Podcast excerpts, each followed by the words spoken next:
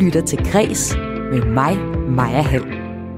Se nu Hale, hun ser da fuldstændig fantastisk ud. Men måske havde hun også en lidt for nedringet kjole på, den der lyserøde sag, som hun var hoppet i til søndagens bal hos dronningen. Det er der i hvert fald flere, der mener, at hun gjorde.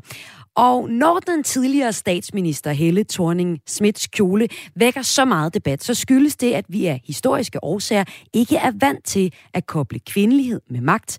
Det mener museumsdirektør på Museet Køn i Aarhus, og hende taler jeg med først her i dit daglige kulturmagasin Kreds her på Radio 4.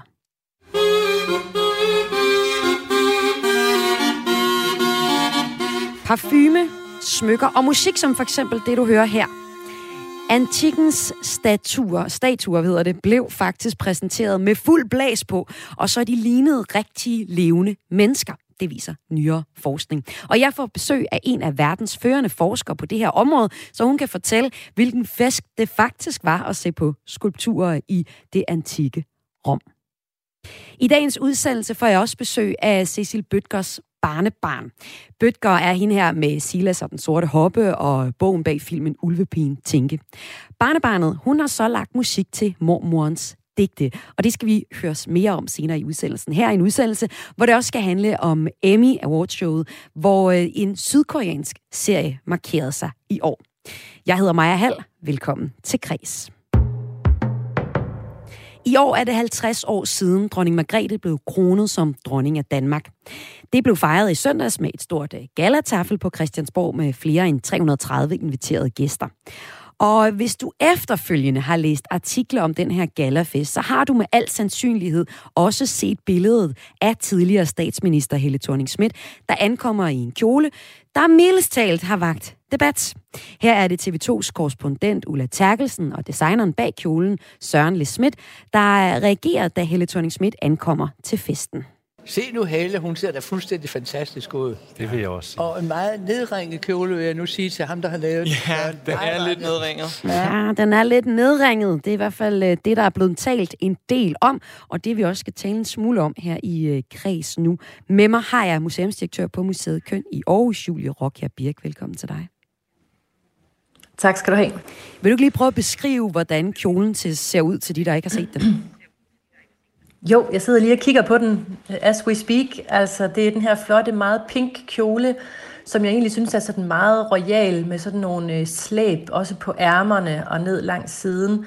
Og så har den egentlig en meget tækkelig øh, krav op ved halsen, som så går ned i en spids, og altså lige viser øh, mellemrummet mellem hendes bryster. Så, så det er klart på, den, er jo, den viser jo lidt, men den er samtidig meget, meget, øh, hvad kan man sige, mondan, synes jeg, og officiel, samtidig med, at den er den, den skriger af, af pink, så den har sådan et fedt mix. Ja, det er med, om den er tækkelig. Om den er tækkelig nok, det er netop det, der er blevet øh, debatteret. Hvis man ser ud over det sociale medielandskab, så øh, har der siden søndag været rigtig mange, der øh, har forholdt sig til øh, Helle thorning øh, Smits kjole. Og der er selvfølgelig mange, der roser den, ligesom du også gør her. Og så er der også rigtig mange, der synes, at den er for meget. Under Avisen Danmarks opslag, der er der en, der skriver på Facebook, det var dronningens aften, og hende, der skulle ses ikke Helle Thornings kavalergang. En Anne-Marie mener, at der er tale om mangel på situationsfornemmelse fra den tidligere statsminister, og en bruger, der hedder Ruth, skriver, porcelænsdukken har misforstået konceptet, total disrespekt for vores fantastiske dronning Margrethe. Julie Rockjær Birk, jeg synes jo så, det er interessant at se på, hvorfor at der er så mange, der synes, at de har en holdning, der er værd at dele med andre, om den her kjole, og om den er for nedranget eller ej. Hvorfor tror du, der er så mange, der, der, der har lyst til at dele deres øh, holdninger til kjolen? Jamen altså, det, det her, det er jo slet ikke øh, noget nyt. Vi har set mange eksempler på det her med at have øh, en holdning til, hvordan øh, kvinder med magt klæder sig. Og, øh, og det er typisk sådan, at, at kvinder, der har status og, og magt, som Helle jo både har og har haft, øh, det har man svært ved at kombinere med øh, den kvindelige seksualitet. Og der er altid, øh, der er altid reaktioner på, på kvinders beklædning, om det så er fordi, de gør for lidt eller gør for meget. Og derfor så, øh, så kan man egentlig se mange eksempler på ja, også kvindelige politikere, der sådan øh, med al, al magt prøver at, øh, at, at balancere de her ting. Øh, der skal ikke ret meget til for at tippe vægtskålen, enten i den ene eller den anden retning. Så det er jo noget, vi har set før. Altså øh, sidste år var det hende her, øh, Sanna Marin, den finske statsminister, som også var, var lidt for nedringet. Ikke? Øhm, det, det er simpelthen svært at, at koble det kvindelige øh, og det, ja, det seksuelle med, øh, med magt og status. Og vi skal lige prøve at høre, hvordan Helle thorning Schmidt selv øh, svarer på spørgsmålet til hendes, hendes kjole her, fra TV2's dækning af festligheden i søndags, hvor hun øh, sætter egne ord på tankerne om den, og sådan fint dribler udenom øh, kavalergang snakken. Det skulle være en meget, meget fin kjole, for det er en meget fin fest i aften. Det er endelig kan få lov til at holde dronningens jubilæum, og det er jo det 50 års jubilæum, så der skal der kan man godt give den gas. Så en øh, pink kjole af Søren Læsmidt. Ja, en pink kjole, det øh, synes hun ligesom, mm. den, det var med til at give den gas. Men der er jo mange, der går på, at ja, ja, den er flot, øh, og den giver den gas, men den er upassende i den her øh, kavalergang. Er der ikke også et eller andet i, at man skal til bal hos dronningen, og så skal man måske egentlig bare gå med en, en lidt sådan konservativ klæden, klæden, beklædning? Jo, men man skal også huske, at, at sådan noget som øh, kønsudtryk øh, har altid ændret sig, også i royale sammenhænge. Altså hvis man, hvis man går længere tilbage i tiden, så, øh, så det der med at vise, vise bryster har ikke været noget, man blev forarvet over. Det siger jo rigtig meget om vores tid lige nu, at, øh, at der er et paradoks mellem en stor forarvelse over den her kjole, Helle thorning Bære, men det, som jeg lige så meget vil understrege, det er jo den modreaktion, der er imod forarvelsen. Det vil mm. sige, i dag, der, øh, der, siger, der er der jo også rigtig mange, der siger, nej, hun er skide sej, og hun manifesterer sig som selvstændig, magtfuld kvinde, og, og, og, og kræver plads til det. Det tror jeg faktisk ikke ville være tilfældet for 10 år siden. Hvis hun havde haft den her kjole på for 10 år siden, hvilket hun ikke ville have gjort, tror jeg, fordi det var en anden tid, så ville der slet ikke være den samme opbakning øh, til, at hun gjorde det. Så, så der er sådan lidt øh, to skismager, der eksisterer side om side. Det er dybt interessant at vise den her opbrudstid, vi er i lige nu. Ja, og vel også noget med, hvad normen er. Nu siger du også selv, at, at hvis vi går langt tilbage i tiden, jamen, så var øh, det faktisk en helt anden snak med, med bryster. Prøv lige at give os et mm. historisk perspektiv på, på den her snak. Jamen, der er jo eksempler på også øh, altså i, i barokken, at, at, at kvinder bare øh, kjoler, der var så nedringet, så man faktisk kunne se deres brystvorter, og, og at man malede brystvorterne. Og det var simpelthen øh, ja, et modefænomen. Øhm, der har, og, og i 20'erne så vi jo eksempler på, at der skulle, der skulle kvinder være fuldstændig androgyne, og man, man bare kjoler, der netop nedtonede brystet, så man så så flad ud som muligt, og så drenget ud som muligt. Altså, kønsudtrykket for kvinder øh, har altid ændret sig, og for mænd for den sags skyld, men, men i nyere tid, så, øh, så, så det der med, at kvinder øh, bærer kønsudtryk i netop øh, magtpositioner, øh, det, det er uvandt for os, fordi vi sætter lighedstegn mellem det mandlige kønsudtryk og magten. Og det er jo også derfor, man ser indtil i nyere tid i hvert fald, at kvindelige politikere har, har været gode til sådan at tone sig meget ned. Øh, kvindelige erhvervsledere har også tonet sig ned i, i, i, i dragter, som ligesom øh, netop mimede den, det mandlige kønsudtryk. Ikke? Fordi man kunne simpelthen ikke kombinere de to ting. Men nu viser det sig, at nu begynder vi at være i en anden tid, hvor det er blevet så almindeligt med kvinder med status, magt og selvsikkerhed, at der kan man godt kombinere det her. For det at være kvinde og det at have magt, det er simpelthen blevet mere mainstream. Så det er jo et skide godt symptom på, at, at, øh, at verden rykker sig. Mm. Så den debat, vi faktisk ser på de sociale medier, det er ligesom et opgør med, at ej, det normen er, at man ikke kan gå med nedringet, og øh, det er ligesom den, det, det er ligesom den norm, der er, og nogen, der gør op med den norm, og faktisk øh, bakker ja. Helle thorning Schmidt op med den her kjole. Ja, Jamen bare det, at der er en diskussion, bare det, at vi har den samtale i det her radioprogram nu, viser jo netop, at, at der er en, en diskussion, og at det ikke bare er en norm, hun har brudt. Her er der en diskussion omkring, om det er okay, at hun har brudt den norm eller ej. Og det er jo allerede at rykke sig. Mm. Øh, og, og man kan se det i så mange sammenhænge. Vi ser også øh, Harry Styles, øh, den her øh, amerikanske popsanger, der går i kjole. Øh, det er jo også en diskussion, vi rent faktisk har, i stedet for bare at at han bliver dømt ude. Så det er dybt interessant. Ja, der er også bare noget skørt ved den der norm, ikke? Fordi normen er jo noget, vi beslutter os for, sådan uden at skrive det ned nogle steder, for hvad der er god etikette. Mm. Og det er det, der er nogen, der synes, at, at det ikke er god etikette at have en nedringet kjole på med, med Helle thorning Smiths kjole. Mm. Men der er vel også nogle grænser for, altså normen dikterer vel også et eller andet. Altså der er vel ikke alt, man kan have på til et royalt selskab, selvom at, at normen også bliver brudt. Kan du følge mig, Julie?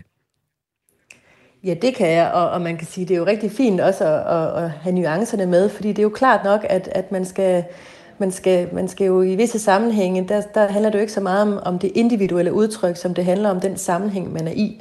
Øh, vi, øh, vi agerer alle sammen forskelligt i vores udtryk, alt efter hvad for en sammenhæng vi er i, og, og hvis jeg går til et meget, meget vigtigt møde, så, øh, så tager jeg heller ikke glimmer i hovedet, vel? Altså, i forhold til, hvis jeg måske gik til, til fest. Så der, så der er selvfølgelig nogle forskelle, men det, som jeg tror, det her det handler om, og den kritik, der er Helle thorning Schmidt, det handler mest af alt om, at hun er et rigtig godt sted i sit liv. Hun er glad, hun øh, manifesterer sig selv som kvinde, hun kæmper feministiske mærkesager, hun har været statsminister, hun brød ligesom det glasloft, der var der, og nu står hun her og shiner. Det tror jeg rigtig mange også synes, ah, det, det kan man ikke have, fordi der er en kulturarv, der handler om, at kvinder, de skal ikke råbe højt, de skal ikke gøre for meget ud af sig selv. Altså, janteloven har altså været stærkere, når det handler om kvinder. Øhm, så den kulturarv tror jeg også hænger ved. Og det er altså den øh, debat, der er kommet ud af det opgør med den kulturarv, kunne man sige. Og tak for at fortælle os om den her i Kulturmagasinet Kreds, museumsdirektør på Museet Køn i Aarhus, Julie Rokker Birk. Tak. Selv tak. Og det var altså øh, for 50-året for dronningens kroning, der blev fejret i søndags ved et stort galataffel. Og øh, det var her, den tidligere statsminister Helle thorning schmidt ankom i en kjole, der vagte debat. Om lidt her i Kulturmagasinet Kreds, der får jeg besøg af Cecil Bøtgers barnebarn. Hun hedder Ayo Angela, og hun har øh, lavet musik til nogle af Cecil Bøtgers digte. Det lyder for eksempel sådan her mere ved dig Der brød dine timers fuldendte ringe Og jeg var den, der gjorde dig ufri. Jeg var den, der gjorde dig ufri, lyder det her i nummer, et nummer, der hedder Afrika, som Cecil Bødger altså har skrevet som digt, og hendes barnebarn øh, af Ayo Angele nu har lavet om til et nummer.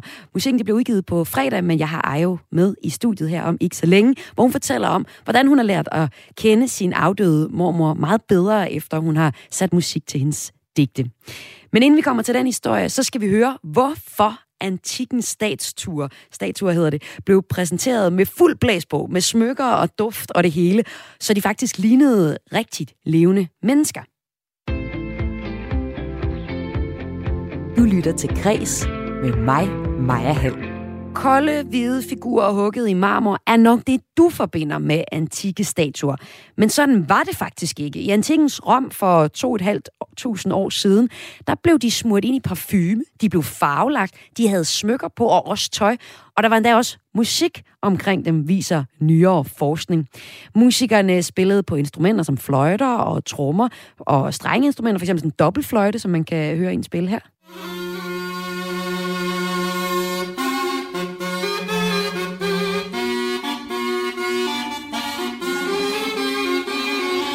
Og øh, udstillingen Usynlig Arkeologi, Diana-kulturens mysterier, åbner så på Glyptoteket i København på torsdag i forbindelse med festivalen Golden Days, og er et bud på en kulturoplevelse, som den kunne have set ud for flere tusind år siden. Øh, en af verdens førende forskere i den sanselige oplevelse af antik kultur, altså en forskningsfelt findes faktisk, står bag udstillingen, eller forestillingen skulle man sige, og øh, vedkommende er faktisk med i studiet lige nu her i Kulturmagasinet Kreds. Det er nemlig dig, Cecilie Brøns. Velkommen til dig. Tak. Mange tak. Du er klassisk arkeolog, og så er du museumsinspektør på Ny Carlsberg Glyptotek i København. Prøv lige at fortælle. Altså, jeg er jo vant til at se sådan en marmorskulptur, eller nogle gange ser jeg den ikke, for nogle gange så er der så mange af dem, og jeg kan ikke sådan lige helt sådan finde ud af, hvad jeg skal få ud af de her skulpturer, eller de her statuer. Men hvordan er det, de kunne se ud i antikens Rom? Ja, jo, det kan jeg sagtens fortælle dig om. Øh, og jeg tror, det er en meget naturlig oplevelse af mange af de her hvide marmorskulpturer. Man kan man nærmest blive marmorblind, når man går ind på biblioteket. Der sagde du det. Jeg nogle gange har det. Ja, lige præcis. Ja, præcis. Med forlov, ja. Men det, vi har forsket i, i lang tid, i 10-15 år inde på glyptoteket, er i, hvordan de her skulpturer oprindeligt var bemalet. Altså alle de farver, der blev brugt til at male hud og hår og tøj og så videre. Jamen, det lyder så simpelthen altså været... så skønt kikset. Man malede ja. på dem. Det har I vist i et stykke tid. Jeg, ja. Der er forskere i det her. Det har jeg aldrig hørt om. Og så ud over det, så fik de også parfume på, og så blev der spillet musik for dem.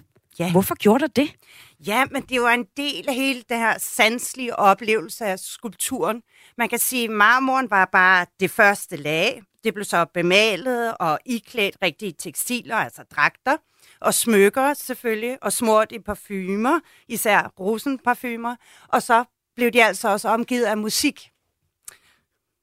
Ja, hvorfor? Jamen, det var netop for at få dem til at virke levende.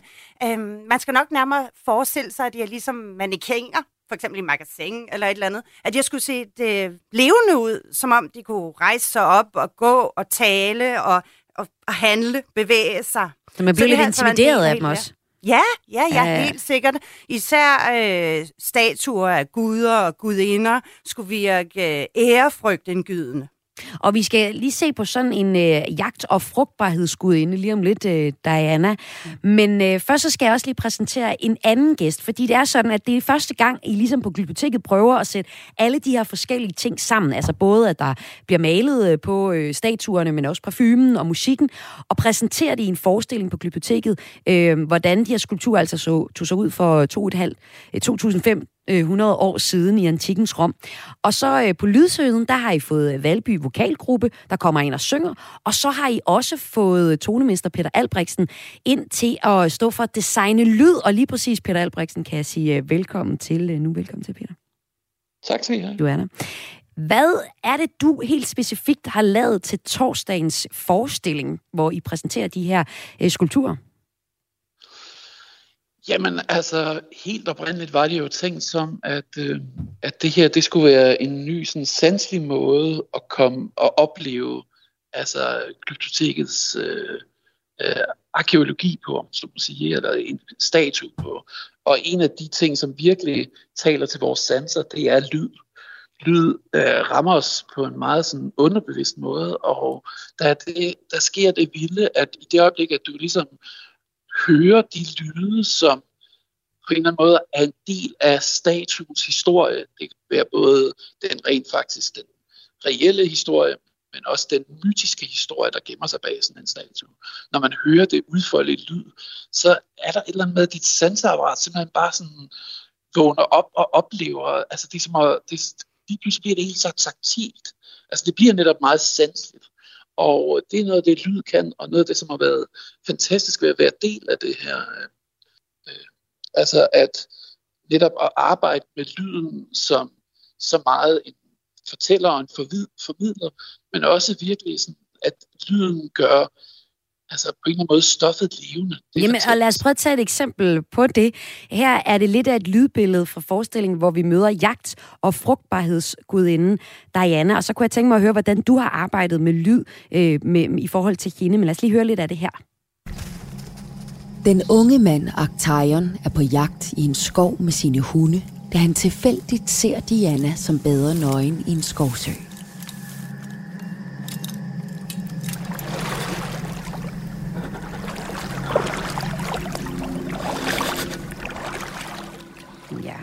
Her var det et bid af myten om den øh, romerske jagtgudinde Diana, som, øh, som hvis man skulle fortælle den i, i dag. Og prøv lige at tage os med igennem, hvad er det for en historie, som du er med til at fortælle, Peter, her? Det her, det er jo i høj grad ligesom, hvad kan man sige, det mytiske aspekt af, af figuren Diana. Altså høre om, hvordan, hvad er det, hun gjorde, hvad, hvad var hendes kræfter, hvad var det magiske ved hende. Og det, er noget af det, som vi ligesom øh, kan åbne op for i lydsiden, fordi at med lyden, altså lige pludselig sådan, ja, her, bare i det her lille klip, man kan mærke vand, man kan mærke naturen. Man får en følelse af at, ligesom at være der selv. Øh, og på den måde, så, øh, så synes jeg, det er jo enormt fascinerende, fordi normalt, så når du ligesom er, ofte når du er på et museum, så og, og kigger på de her statuer, så, så er det ligesom, det taler ligesom til hjernen, det er ligesom en, en altså det er jo en meget intellektuelt stimulerende oplevelse.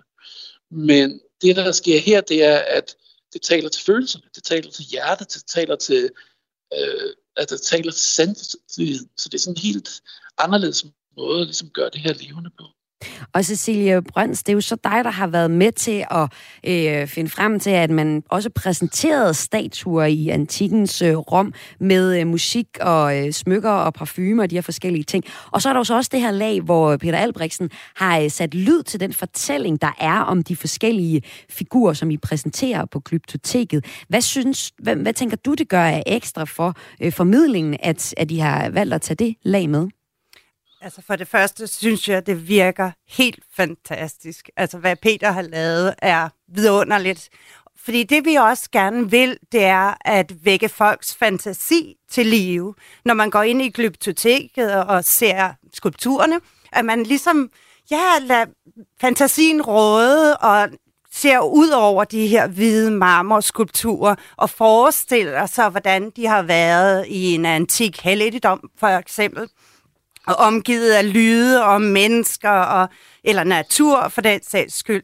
Så ligesom giver den her ekstra dimension og at gøre skulpturerne levende og vedrørende. Og I er ikke bange for, at I kommer til sådan at gøre, øh, hvad skal man sige, kalde disnificere det, eller tivolisere det, eller sådan Nej, gøre det vildere? det skal ikke være det så kedeligt alt sammen. Altså, de står der og i musestille sale, og man må ikke røre, og man må ikke noget som helst. Så det er faktisk virkelig befriende og tage et helt andet take på det for en gang skyld, og så bare træde speederne i bund og eksperimentere, og så håbe på, at folk kan lide det. Altså, jeg er Ja, ikke fordi- så bange for, at der går lidt for meget, hvad skal man sige, ja, at det, at det bare bliver for meget. Heller for meget end for lidt. Hvorfor? Er der for få, der kommer og ser det? Nej, der kommer masser af Nå, okay. mennesker.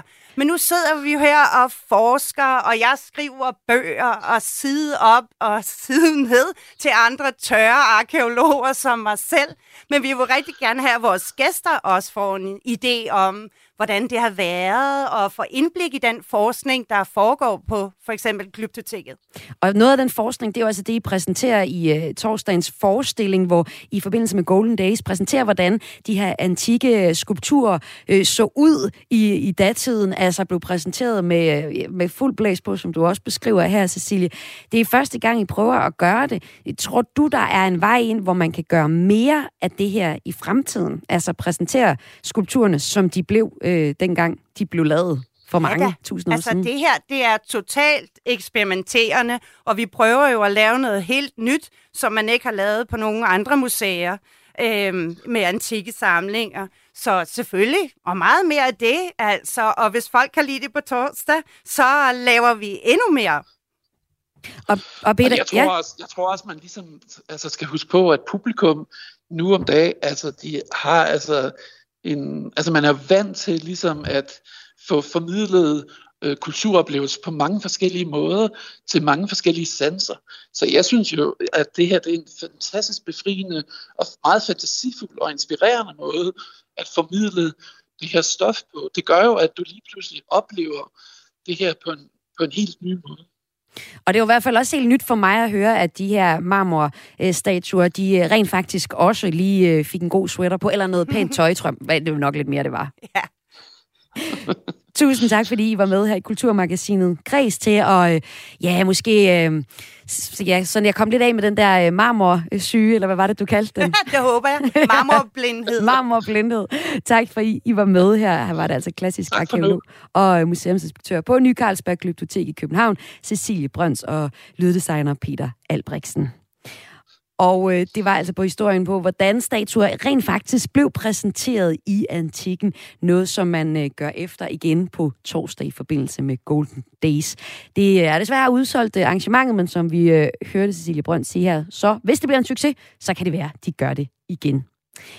Om lidt så øh, skal det handle om Emmy Awards, for for første gang nogensinde, så er det en ikke-engelsktalende skuespiller, der vinder for bedste mandlige hovedrolle i det amerikanske Primetime Emmy Awards. Og det er sådan en branchefest, hvor man fremhæver serier, men øh, den sydkoreanske Netflix-serie Squid Game trak øh, overskrifter, og her var der altså også en mandlig hovedrolle, der øh, vandt. Og vi skal se på, hvad det betyder for branchen om lidt. Men først får jeg besøg af Cecil Bøtgers barnebarn.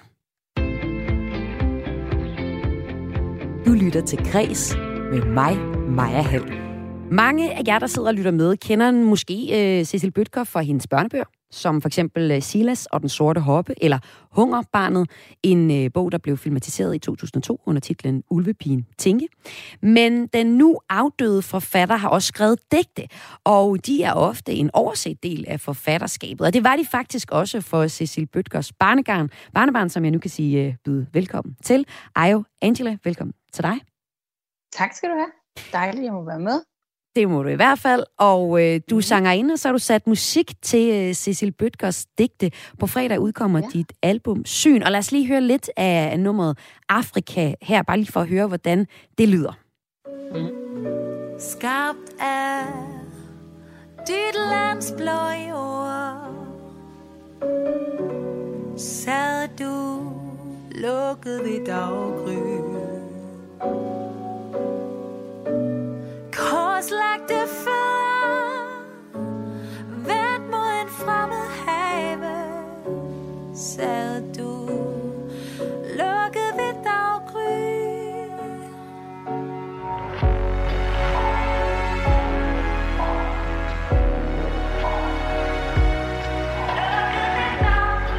Her hører vi altså en lille smule af nummeret Afrika. Vi skal høre lidt mere af det nummer senere. Men øh, jeg kunne starte med at tænke mig at spørge dig, Ayo, altså øh, som teenager og barn, så læste du ikke selv din mormors tekster. Du øh, læste øh, sikkert alt muligt, som mange andre børn af Harry Potter for eksempel. Men du siger, at du har lært din mormor, Cecil Bøtger, meget bedre at kende, efter du så har stiftet bekendtskab med blandt andet hendes digte. Hvordan det? Ja. Jamen altså, jeg tror måske, at uh, imens min mormor stadig levede, og da jeg var barn og teenager og sådan ung voksen, der, uh, der kendte jeg, der havde jeg nok et, uh, et forhold til min mormor, der minder ret meget om rigtig mange andre uh, børnebørns forhold til deres bedsteforældre. Altså lidt sådan et... Uh, jeg tror måske, jeg kom til at betragte min mormor bare som sådan en sød, øh, kærlig øh, senior, som sad over i lænestolen og kiggede på mig hen over sine briller og, og spiste et stykke flødeskumskage. Og, og, altså ligesom det var, det var sådan, jeg kendte hende bedst. Ja. Men, øh, men da jeg så begyndte at arbejde med hendes digte, så fandt jeg lige pludselig ud af, at, øh, at der var, at min mormor jo også på et tidspunkt havde været ung. Hun havde været på min alder, og hun har gået og øhm, beskæftiget sig, eller, eller hvad skal man sige, tænkt over nogle emner og temaer, som rimer ret meget på, på de ting, som også rumsterer i mit hoved i dag, og rigtig mange andre unge menneskers hoveder. Ja, hvad er det for eksempel? Øhm, jamen altså, øhm, for eksempel så har hun i nogle af sine digte skrevet rigtig meget om øh, generationer, om det der med øh, at gå fra at være barn til at være voksen, til lige pludselig en dag at blive helt gammel, og ikke nødvendigvis kunne genkende sit eget spejlbillede, eller genkende sig selv, og det der med at øh, være vant til at være at blive passet på af nogen, og nu skal til at passe på nogle andre af de ældre generationer. Det er i hvert fald et tema, som rumsterer hos mig, og, og det kunne jeg så også øh, se, at det har hun også dealet med, dealet med, da hun har skrevet sine digte blandt andet det digt, der hedder Syn, som er titel, øh, hvad skal man sige, det er derfor, jeg har valgt titlen til mit album. Øh, altså det digt der Syn, det handler om det der med generationer. Og hvis vi lige ja. skal se på, hvem øh, Cecil Bøtger er, så blev hun født i 1927 og døde i 2020. Og som mm. øh, forfatter var hun super anerkendt og har modtaget den internationale børnebogspris H.C. Andersen-medaljen og har vundet de gyldne laverbær og den danske akademis store pris. Hun er særlig kendt for sin øh, børneserie om Silas, der indbefatter 14 mm. bøger, øh, og hendes bog Hungerbarnet, som der helt sikkert er mange, der kender filmen øh, Ulvepin Tinke, der kom i 2002. Så er der også de her digte, som der måske ikke er så mange, der kender til, og måske heller ikke noget, sådan offentligheden har, har beskæftiget sig meget med.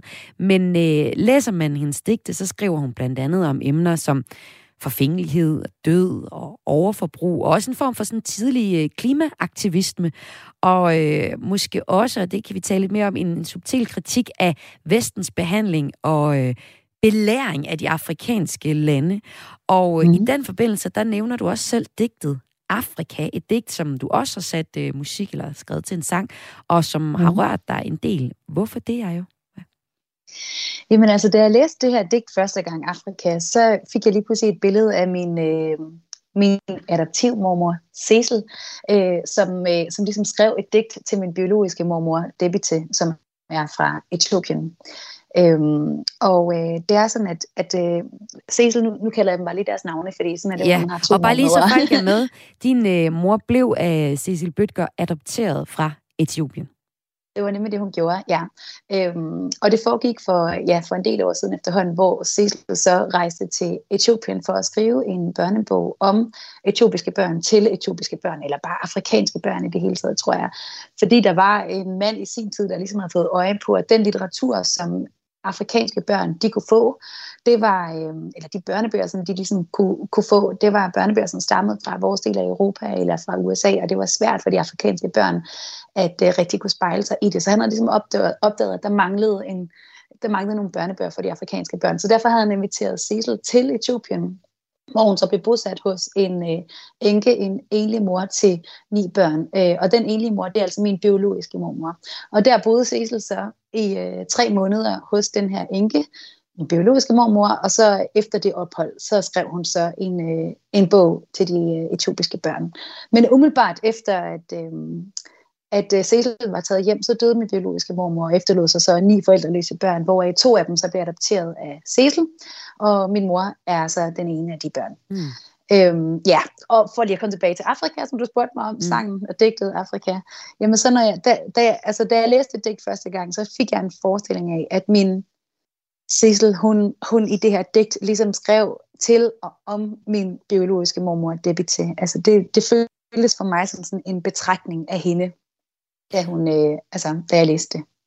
Og det synes jeg er ret interessant, og jeg kunne godt tænke mig også lige at zoome ind på noget øh, i, øh, i teksten også. Mm. Øh, vi skal mm. faktisk bare lige høre lidt mere af Afrika, noget fra, fra slutningen. Og øh, mm. det, øh, det, du, sådan, det, vi skal dykke ned i, det er den linje, hvor du siger, øh, eller også forstod jeg ikke dit sprog. Men vi får lige lidt mm. mere kontekst på, vi får lige lidt mere af, af sangen med, inden den pointe kommer frem. Mm. Nattevæld, så du igennem mig, som læste du mit inderste.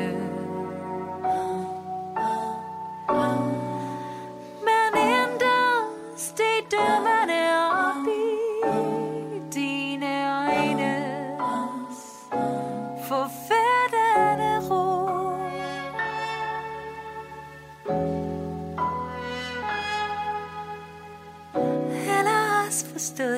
jeg dit sprog. Og jeg var down. Ja, så kommer omkvædet her. Men du mm. synger, nattevendt så du igennem mig, som mm. læste du mit inderste, men intet steg drømmende op i dine øjnes forfærdede ro. Eller måske, hvis jeg, måske hvis forstod jeg ikke dit sprog. Ja, hvis der står drømmende, så har jeg skrevet en fejl. Nå, der, dømmende, det, undskyld, det er mig, der læser ja, Dømmende op, ja. Ste, ja. dømmende op i dine øjnes mm. forfærdede øh, den ro. Eller måske forstod mm. jeg ikke dit sprog. Prøv lige at fortælle, hvad det er, mm. du læser i den her tekst. Jamen altså, igen, jeg ser den her, øh, den her øh, øh, kvinde, kvinde fra Vesten, danske kvinde, som nok er rejst til øh, Afrika med en... Øh, ja, må jeg sige, naiv forestilling om, hvad det, hvordan det vil sige at være kvinde i Afrika, og så er hun kommet højst sandsynligt med sine fordomme, øhm, og så har hun så betragtet den her etiopiske kvinde, og, og så fået en følelse af, at, øh, at hun nok har gjort sig nogle, øh, nogle forestillinger, som var forkerte, og så, øh, og så ser hun til den her kvinde, og oplever så en ro, og, og at hun ikke bliver dømt tilbage. Hmm. Øhm, eller også, så forstod hun ikke sproget. Øh, altså, så det, det er lidt sådan, for mig, det lyder lidt som sådan en, en øh, ah, hvad skal jeg sige, kultur, altså sådan en, ja, altså det er jo et kulturmøde, mm. øh, og et menneskemøde. Øh, og så siger hun ligesom en masse ting, Cecil her, og så er det på en måde, så trækker hun det lidt tilbage, sådan, fordi at måske forstod jeg bare egentlig ikke, hvad det var, du mente, eller hvad det var, du sådan artikulerede.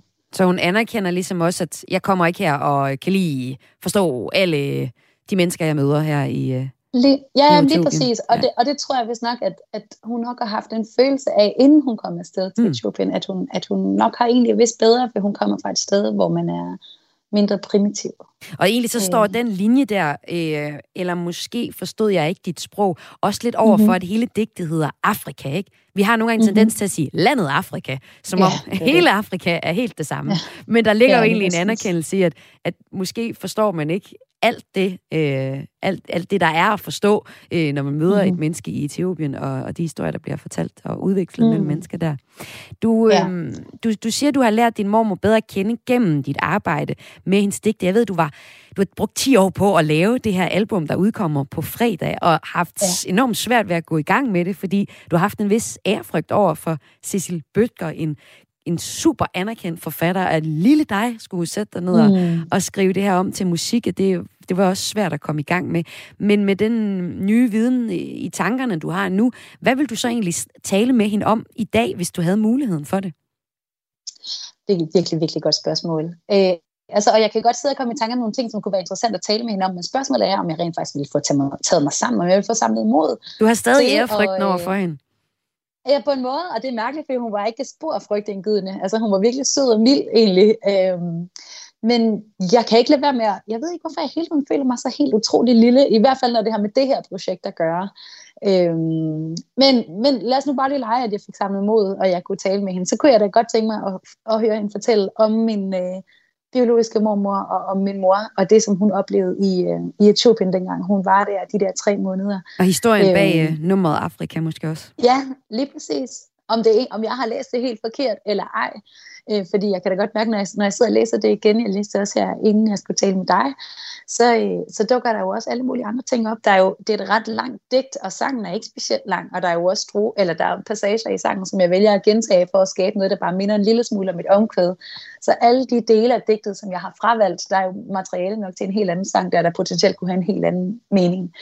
Øh, men det synes jeg, det er meget, altså det, det er sigende for, for rigtig mange af hendes digte, og måske i det hele taget bare er det sigende for kunst, at, at, øh, at man kan jo få forskellige fortolkninger og få forskellige meninger ud af det, alt efter hvornår man besøger det. Mm, helt sikkert. Øhm, ja. Ej, og Angela, vi skal lige om lidt høre en sang fra dit nye album Syn, som altså udkommer her den 16. september. Øh, Det er sangen Væk fra øh, digtsamling Jordsam, altså Jordsang af Cecil Mhm. Bøtger, som jeg ved betyder meget for dig. Øh, Det var en Mhm. sang, du blandt andet øh, sang til din mormors bisættelse. Men inden du lige skal fortælle, hvad det er for en sang, så kan jeg godt tænke mig at høre, tror du, Altså, du fortæller om den her ærefrygt, og at, at øh, du øh, har sådan lidt gennem din far spurgt lov til at få at, at sætte, sætte musik til hendes øh, digte. Tror du, du kunne udgive mm. det her album, mens hun levede? Det er måske lidt anderledes. Øhm, og jeg tror, at det er et af de projekter, der har været ret fint. Altså det, det, har ikke, øh, det har ikke været dårligt fra projektet at lige ligge lidt, og, og jeg kunne også lige blive lidt, lidt mere moden. Øh, altså jeg tror, hvis jeg havde udgivet det for 10 år siden, da ideen kom, så havde det helt, helt klart lidt anderledes, end, end, det, ville, end det lyder i dag. Øhm, jeg tror godt, jeg kunne have udgivet, udgivet det, mens hun levede, men det var som om, at indgangsvinklen til at, at lave det her album, det var egentlig, at, at jeg led under en rimelig massiv skriveblokade, eller jeg havde i hvert fald bare svært ved at finde ud af, hvad jeg skulle gøre sådan i mit musikalske virke herfra, efter først at have udgivet nogle album, som ikke var gået lige så godt, som jeg havde håbet og drømt om. Øh, jeg havde svært ved at komme videre, vidste ikke, hvad for noget musik jeg skulle lave, og hvordan jeg skulle, skulle lave det. Og så var det min far, han foreslog, at jeg skulle sætte på besøg hos min mormor og anmode om retten til at, at, at basere nogle sange på hendes digte. Øh, og, og det fik jeg så lov til. Øh, og det var jo virkelig dejligt. Og nu har jeg fuldstændig glemt, hvad du spurgte mig. Nej, men det er også helt okay, fordi jeg spurgte jo egentlig bare, øh, om du kunne øh, have lavet det her album før, Ah, øh, ja, hun, øh, da hun levede, Ja. og det fortæller du, kunne du nok godt, men det havde nok også Ja. Anderledes. Ja. Nu er der så ja. sangen her øh, væk, som vi skal høre nu. Prøv lige at fortælle, hvad det er for en sang, en, en sang, som du sang, da din mormor så blev bisat. Mm-hmm. Ja, lige præcis. Ja, men det var også en af de sange, som jeg skrev, mens hun stadig levede, og, øh, og den har en linje, øh, der, altså åbningslinjen er, væk er jo bare et andet sted, kun midlertidigt ude af syne. Og det var sådan en linje, som, som jeg kunne gå og nynne for mig selv, hvis jeg ledte efter et eller andet derhjemme, som lige var lidt væk, så kunne jeg ligesom minde mig selv om, at det er jo ikke helt væk, det er bare lige ude af syne midlertidigt, og så dukker det snart op. Men da hun så døde, min mormor, så øh, spurgte min mostre mig, om jeg kunne tænke mig at synge kirken, da hun skulle bisættes. Øh, og jeg plejer ellers ikke at have lyst til at synge, når det er familiemedlemmer, som, som dør, fordi det er svært øh, at, ligesom, at komme igennem sådan en sang, der, når man også er utrolig påvirket øh, emotionelt. Men jeg sagde alligevel ja til det, og så vidste jeg med det samme, at det var den der vægt, jeg skulle synge. Og det er som den fik en ny betydning nu. Øh, fordi at øh, det kunne jo være, det var hende, jeg sang om. Altså nu var hun jo ligesom væk fra, altså ude af vores syne, men, men hvor var hun egentlig henne? Var hun helt væk? Og så kommer der et nyt stykke, kan vi høre om lidt i sangen, hvor jeg synger i jordens Bu på havets bund eller oppe i skyerne. Og det opfattede jeg så som sådan mulige bud på, hvor, hvor hun egentlig flakkede rundt henne nu, min mormor. Lad os høre øhm, nummeret, og ja. Ayo Angela sangerinde og med her i Kulturmagasin Græs. Tillykke med albumet, der altså kommer mm. fra på fredag. Tak. Og her fra albumet Syn er det nummeret. Væk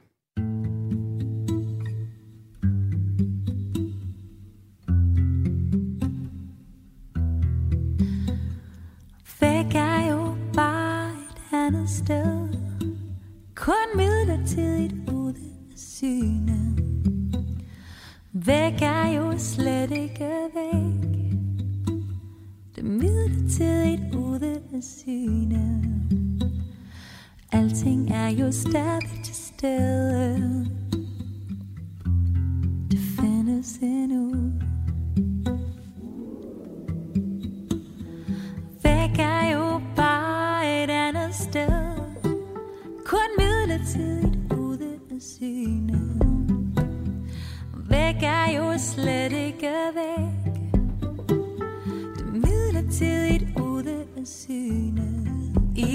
I bu på havets bund Eller oppe i skyerne. I jordens bu på havets bund Eller oppe. Alting er jo stadig til stede. Det findes endnu ting er jo stadig til stede Det findes endnu i jordens bug på havets bund eller oppe i skyerne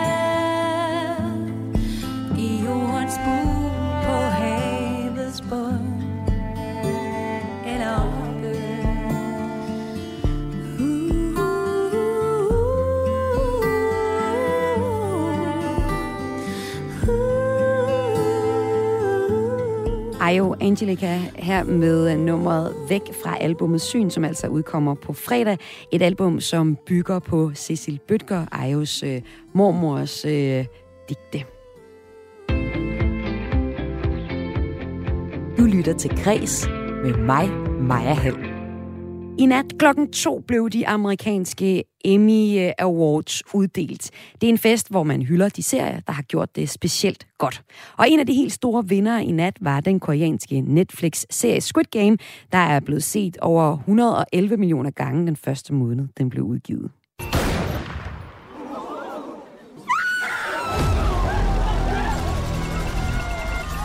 사람 죽여놓고 여섯 개의 게임을 모두 이긴 분들께는 Squid Game vandt både for bedste instruktør Hwang Dong-hyuk og for bedste mandlige hovedrolle Lee Young-jae. Og det er første gang, at en ikke-sproget serie gør det.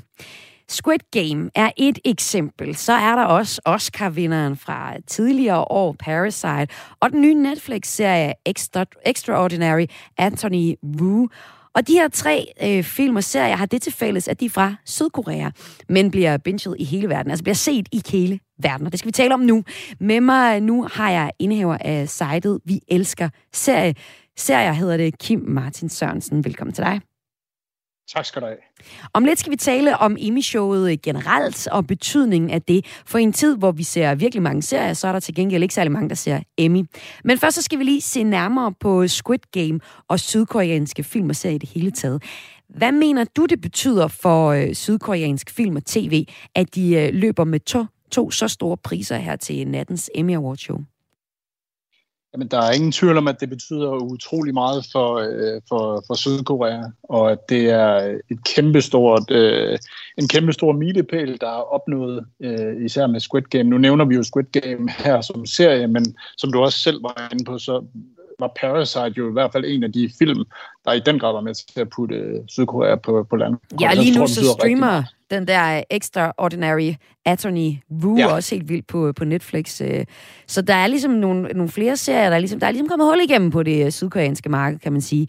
Men spørgsmålet er så, når vi ser det her ved Emmy Awards, hvad det egentlig er et symptom for.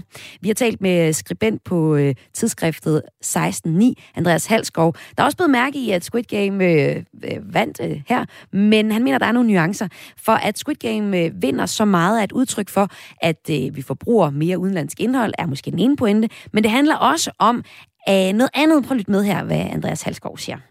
Men hvis man kun ser det som det, så tror jeg, at man misser, at det også er et spørgsmål om, at branchen, måske for at holde sig i live, bliver nødt til også at virke lidt interesseret i det, der ikke er engelsk. For ellers så, ellers så virker det alt for meget som det, det også er, når det kommer til stykket, nemlig en, en intern branchefest, der hylder, øh, hvor, hvor folk i industrien hylder sig selv.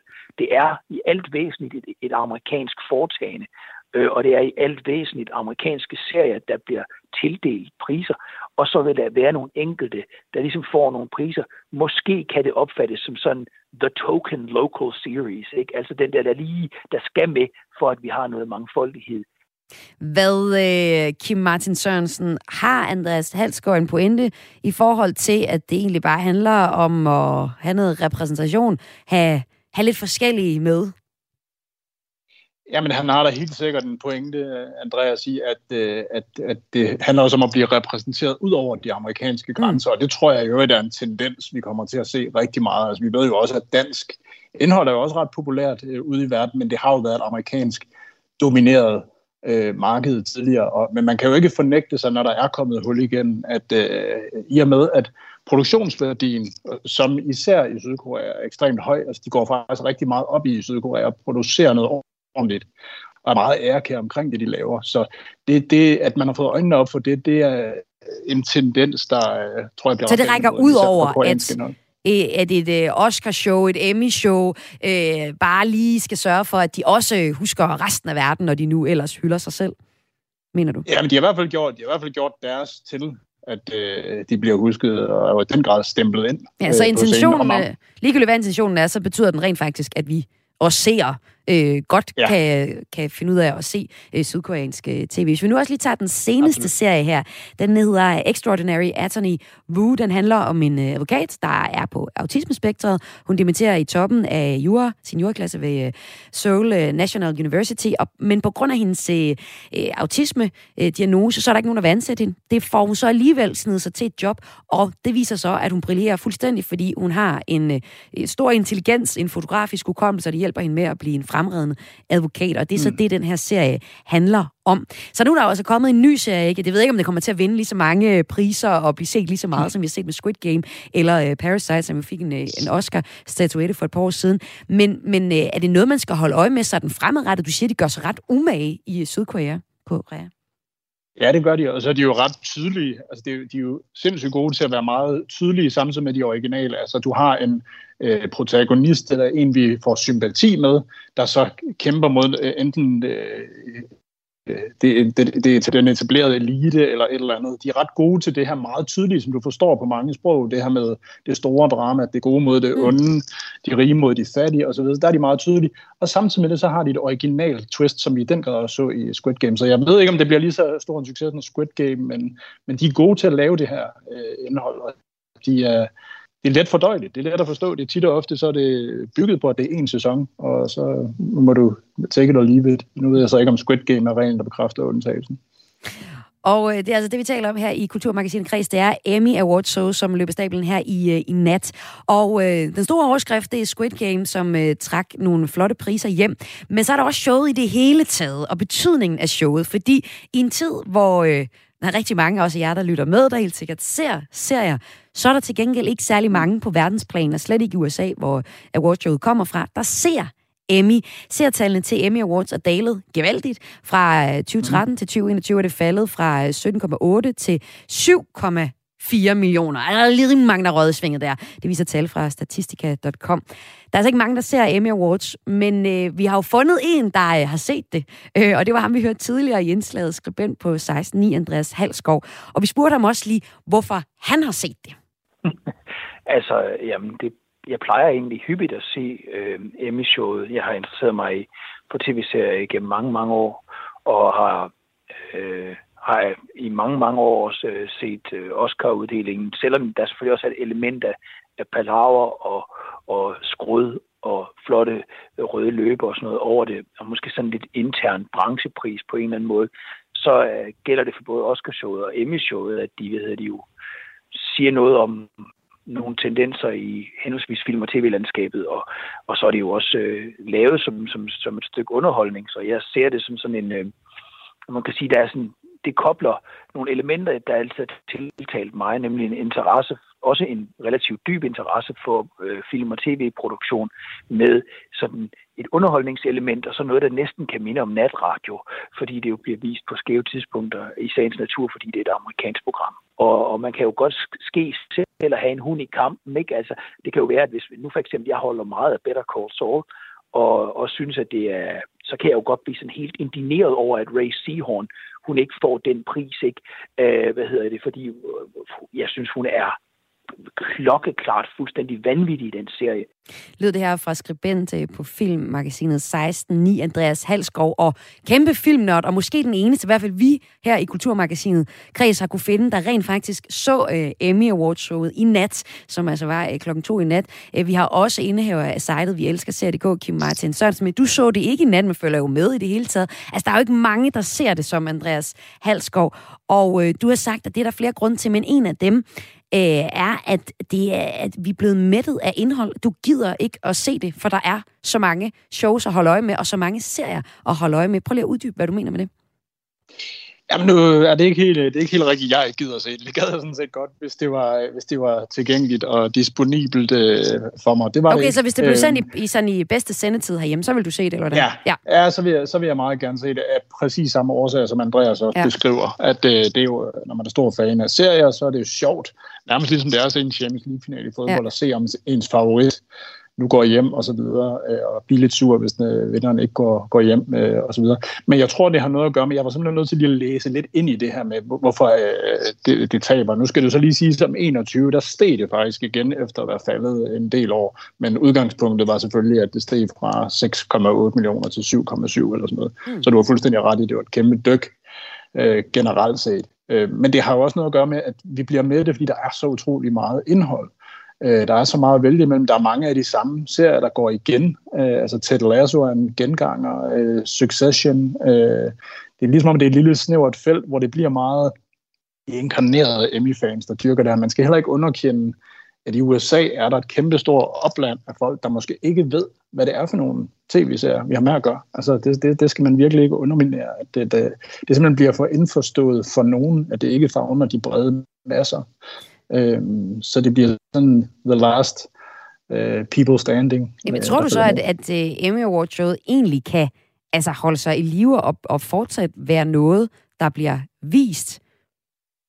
Mm, ja, umiddelbart det vil sige ja. Det er amerikanere, og de skal nok finde på en eller anden måde og, og, få, det, få det kørt igennem. Men det handler jo måske om, at man har man investorer eller folk bag sig, så skal man måske lige justere forventningerne i forhold til seertal fremadrettet. Fordi der er jo en tendens 10 millioner i fald, det kan man ikke øh, tale sig ud af. Det er, det er ret markant. Øh, så så du, skal, du skal retænke det, du skal blive god til din marketing, din PR, din gimmicks, øh, hvordan du kuraterer indholdet omkring Emmys. Øh, skal man gøre mere ud af det? Øh, hvad hedder det, op til øh, showet. Og så, har du, know. og så kan de jo få en ekstra serie, hvis de så ligger det øh, klokken 8, øh, sådan at du kan se det. Ja. Ja, klart. Ja. og tak fordi du var med her i Kulturmagasinet. Kreds, altså Kim Martin Sørensen, som øh, har sejtet Vi Elsker Serie det og med her i indslaget havde jeg også skribent på 16.9, Andreas Halskov. Og det var altså til en snak om det amerikanske øh, tv-show Emmy Awards, øh, der ser på øh, tv-serier. Og det er lidt sjovt, når man nu sammenligner det for eksempel med Oscar, ikke? så består Emmy-akademiet af cirka 20.000 medlemmer fra tv-branchen, der altså stemmer om, hvad er de bedste serier i år. Det er faktisk dobbelt så mange som øh, i Oscar Akademiet, der er med til at udpege priserne.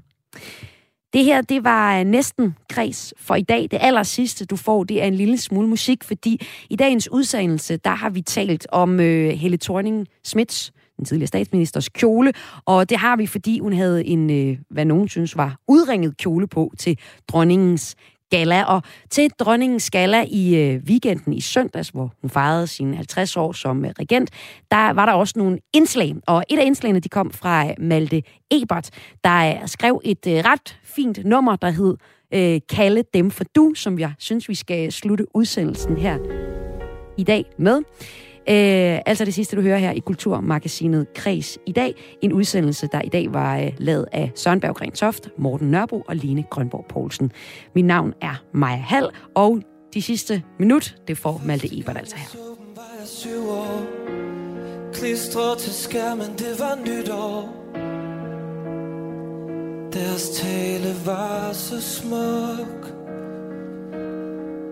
Tiden flyver, deres børn er blevet forældre. Men hendes majestæt er aldrig blevet ældre.